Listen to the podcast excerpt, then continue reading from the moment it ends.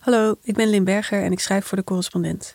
Voor de serie De Zorgzame ga ik langs bij mensen die zorgen. Vandaag, zorgen is rekening houden met de natuur en met de toekomst. Ach, kijk, het is gelukt. In het achterste deel van de stal van melkveehouder Peter Oosterhof ligt een bruin-grijs kalfje in het stro. Er ligt bloed omheen en vruchtwater en het lijkt de wereld enigszins beduust in zich op te nemen. De moeder, een zwarte koe, likt haar boreling kalmpjes droog. Dit is haar eerste kalf, zegt Peter, terwijl hij het stro oploopt, en ze heeft het helemaal zelf gedaan. Dan trekt hij de achterpoten van het kalfje uit elkaar. Het is een koekalf. Een meisje dus. Hoewel de middag nog moet beginnen, is dit al het derde kalf dat vandaag het leven ziet op de boerderij waar Peter woont met zijn vrouw Marieke en hun twee kinderen, een dochter van negen en een zoon van zeven. Het is begin maart en dat betekent babyboom. Het merendeel van de ongeveer 120 melkkoeien kalft af tussen eind februari en begin mei. Dat is precies de periode waarin er in Peters weilanden volop gras staat en de koeien al dat groen kunnen omzetten in melk. Doordat zijn koeien veel in de wei staan en de bodem zelf bemesten, hoeft Peter niet met kunstmest te werken. Doordat de koeien niet plassen waar ze poepen, komt er ook minder ammoniak vrij. En dat is belangrijk, zegt Peter, want als boer wil hij niet alleen voor zijn koeien zorgen en via hen voor zuivel, maar ook voor zijn omgeving. Want, zegt hij, die moeten we toch een beetje netjes afleveren voor de volgende generatie. De boerderij van Peter Oosterhof ligt in Foxwolde, aan de noordelijke rand van Drenthe. Het bedrijf zit al vijf generaties in de familie. Peter nam het stokje over van zijn vader en het huis waarin hij woont is het huis waarin hij werd geboren. Mijn vader is een vogelaar en mijn moeder weet alle plantjes bij naam, zegt Peter. Typische bioboeren eigenlijk, maar, zegt hij, omdat mijn vader een zoon had die boer wilde worden en hij het bedrijf dus overeind wilde houden, is hij meegegaan in het gangbare productiemodel. Een model waarbij een zo hoog mogelijke opbrengst per koe de enige graadmeter was van succes.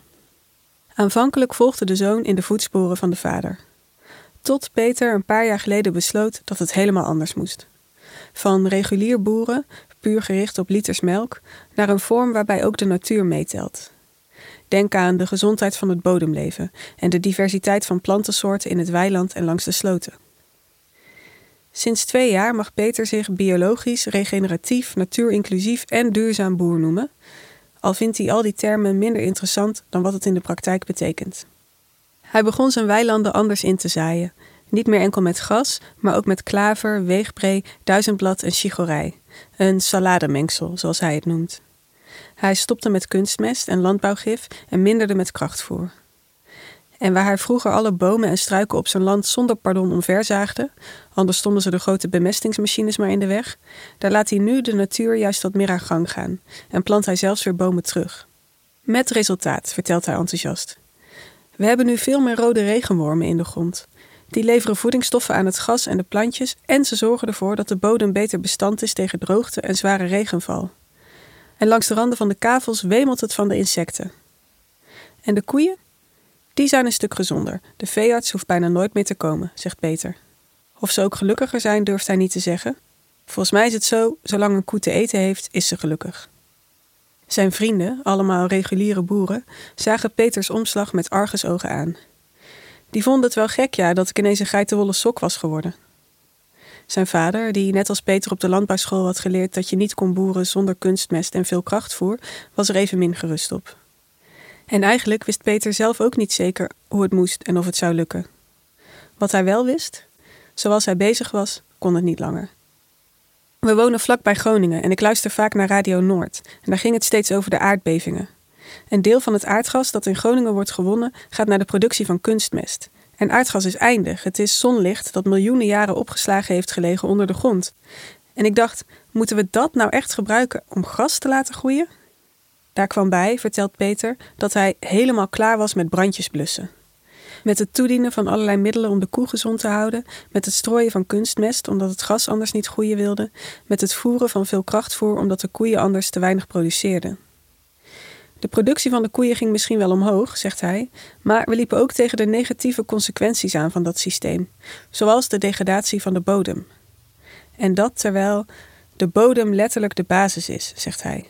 Als die niet gezond is, dan kan je de rest op termijn al helemaal vergeten. Het is tijd om de koeien naar buiten te laten.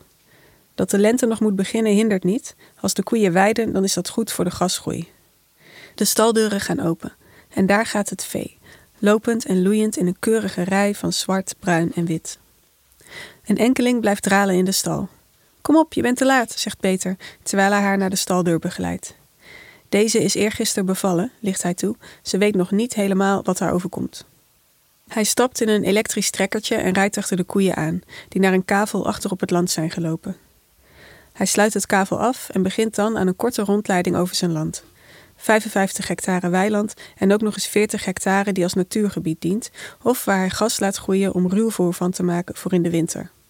Hij vertelt: Omdat je de bodem af en toe rust moet geven, doe ik aan stripgrazen. Ik geef de koeien steeds een klein stukje om te begrazen en te bemesten. En zo voorkom je ook dat ze alleen het lekkerste tussenuit eten en de rest laten staan. Peter loopt een kavel op en zakt door zijn knieën. Kijk, dit heb ik een aantal jaar geleden ingezaaid met het saladebuffet. Een mengsel van gas en kruiden in plaats van de monocultuur aan Engels rijgas die hij gewend was.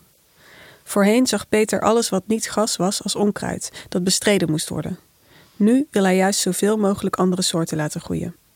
En inderdaad, het is een veelzijdig groen gebeuren hier, zo laag bij de grond. Zie je de weegbree en het duizendblad? Peter wrikt een uitgedroogd stuk koeienmest los, breekt het open en ruikt eraan. Ruikt lekker, hè? Je ruikt gewoon bos, humus. En kijk, kijk, kijk. Een wormenkontje kruipt verder de grond in. Volgens mij is dat een pendelaar. Die trekken complete strootjes de grond in. Zo maken ze van de bodem een soort spons. Daarom kan Peters grond dus beter tegen droogte en extreme regenval. Op de landbouwschool, vertelt Peter, leerde hij vooral wat we allemaal moesten toevoegen. Hij zelf is inmiddels een meester in het weglaten. Zoals de natuur het bedacht heeft, werkt het eigenlijk heel goed, dus daar ben ik zoveel mogelijk naar teruggegaan. Al moet je wel nog steeds bijsturen, beheren en verbeteren. En je moet zoeken, heel veel zoeken. Mijn opa fokte zijn eigen koeien onder de lokale omstandigheden, net als alle boeren honderd jaar geleden. Maar de wereld werd groter, of de afstanden kleiner, en daarna zijn we Amerikaans sperma gaan invoeren om onze koeien hier te bevruchten. Daarmee hebben we koeien gefokt die veel melk opbrengen, maar ook zijn aangepast aan buitenlandse omstandigheden, aan veel mais in hun voedsel. Met alleen gas komen ze zetmeel tekort en worden ze vatbaarder voor allerlei ziektes. Ik probeer nu koeien te krijgen die wel weer gewoon van gas melk kunnen maken. Ik heb een stiertje gekocht van een collega-boer die zijn koeien ook geen krachtvoer laat eten. Nu ze minder krachtvoer krijgen, geven mijn koeien minder melk dan toen ik regulier boerde. Maar ik heb ook minder kosten. Ik koop geen gif, medicatie of kunstmest en de veearts hoeft ook niet meer om de haverklap te komen. Door het vele weiden hoef ik ook minder mest uit te rijden en ruwvoer te winnen. Dat, in combinatie met de hogere biomelkprijs, maakt dat het toch uit kan. Vorig jaar heeft hij, samen met een kaasmaker uit de omgeving, voor het eerst een eigen kaas in de markt gezet. Weidewolmer heet die, naar het gras dat de koeien eten en naar de streek waarin ze wonen. Want, zegt Peter, iedereen kan wel zeggen dat je lokaal en biologisch moet kopen, maar dan moeten die producten er natuurlijk wel zijn. Vandaar. Er zijn nu onderzoekers bezig om van gras direct kaas te maken, veganistische kaas dus, zonder koe. Een collega van mij zei: dat gaat nooit wat worden, veel te kunstmatig. Maar ja, 400 koeien in één stal die nooit naar buiten gaan, dat is toch ook hartstikke kunstmatig? Als die vegan kaas er eenmaal is, dan moeten wij boeren wel van toegevoegde waarde zijn, willen we nog bestaansrecht hebben. Het geeft ook vrijheid, het gevoel zelf het roer weer in handen te hebben. Ik ben minder afhankelijk van mensen die aan mij willen verdienen, zoals vertegenwoordigers van veevoerbedrijven of diergeneesmiddelproducten. Maar het betekent ook dat er niemand is die voor je lobbyt in Den Haag en dat je nergens meer terecht kan voor advies. Mede daarom ging hij in het bestuur van Weiland, een stichting die boeren helpt om op een meer natuurinclusieve manier te werken. Ook is hij sinds begin vorig jaar lid van Caring Farmers, een belangenorganisatie voor boeren die natuurinclusieve kringlooplandbouw bedrijven of dat willen gaan doen. Een prima club, zegt Peter, al is de naam misschien wat suggestief. Ik denk dat elke boer wel een zorgzaam persoon is. Je hebt liefde nodig voor je vee, anders word je geen boer. En voor een koe zorgen is heel direct. Er moet gegeten en gedronken en gemolken worden. Maar je zorgt ook voor de bodem, voor de generaties na je en voor een economisch systeem. Een zorgrelatie is bijna altijd ook een afhankelijkheidsrelatie. Het kind is afhankelijk van zijn ouder of verzorger, de patiënt van de arts of verpleegkundige, het zieke dier van de dierenarts. Voor de boer is dat anders. De koeien van Peter zijn van hem afhankelijk, van het voer en het water dat hij hen geeft, van wat hij voor en over hen beslist. Maar op zijn beurt is Peter voor zijn levensonderhoud weer afhankelijk van zijn koeien. Als het met hen niet goed gaat, dan gaat het met zijn bedrijf ook niet goed. En dat maakt hem ook afhankelijk van de grond, het gras en de klaver. De koe die zojuist is bevallen, liep niet mee het weiland op. Zij is binnengebleven op het stro en bij haar kalf. Dit kalfje blijft ongeveer een halve dag bij haar moeder, zegt Peter. Daarna breng ik het naar de stal hiernaast. Een stroostal waar nu al een stuk of vijftien kalfjes staan, allemaal een paar dagen oud. Vanochtend heeft Marieke dekjes bij hen omgedaan. De temperatuur lag toch rond het vriespunt. Op zich kunnen de kalveren daar wel tegen, maar het voelt fijner, zegt Peter, als ze een beetje beschermd zijn. Dat er een kalfje geboren moet worden, zodat een koe melk kan maken, zegt hij, is toch wel het zwakste punt van de melkveehouderij. Dat die kalfjes maar kort bij hun moeders blijven, eveneens. Maar als ik ze langer laat blijven, dan loeien ze altijd veel harder wanneer ik ze van elkaar scheid. Hij probeert ze weg te halen voor ze zich kunnen hechten. Dan doet het minder pijn. Bovendien, zegt hij, ik wil dat die kalveren mij zien als hun verzorger. Hoe eerder ze aan mij wennen, hoe makkelijker ze zijn. Hij wijst naar het deel van de stal waar de jongbeesten staan, de kalveren van ongeveer één jaar oud. Dat zijn onze coronakalfjes, die werden tijdens de eerste lockdown geboren. Onze kinderen hebben hier eindeloos in de stal gezeten en daardoor zijn het de max de koeien die ik ooit heb gehad. Van de huidige kalverklas zal hij er ongeveer twintig houden. Stiertjes en koekalfjes waarvan de moeders en grootmoeders niet zo'n hoge melkproductie hebben, verkoopt hij aan de vetmester. Die brengt ze groot en daarna naar de slacht. Erg happy word ik daar niet van, nee. Maar goed, ik kan ze ook niet allemaal houden. Dat wordt te duur en dan is het al helemaal niet duurzaam, want dan gaan we gewoon ten onder aan een koeienoverschot. Het is tijd, zegt Peter, om een oordeel te vellen over het bruingrijze kalf dat inmiddels al op haar poten staat. Via de melkstal, waar de koeien twee keer per dag gemolken worden, en de ruimte waar alle machines en de melktanks zich bevinden, loopt Peter naar zijn kantoortje. Daar, op een klein bureautje in de hoek, staat een computer. Even kijken, zegt hij. De moeder is een Margriet, Margriet 181. Zij is deels Jersey, deels Holstein Friesian en deels Brown Swiss. De moeder van Margriet 181 was Margriet 160.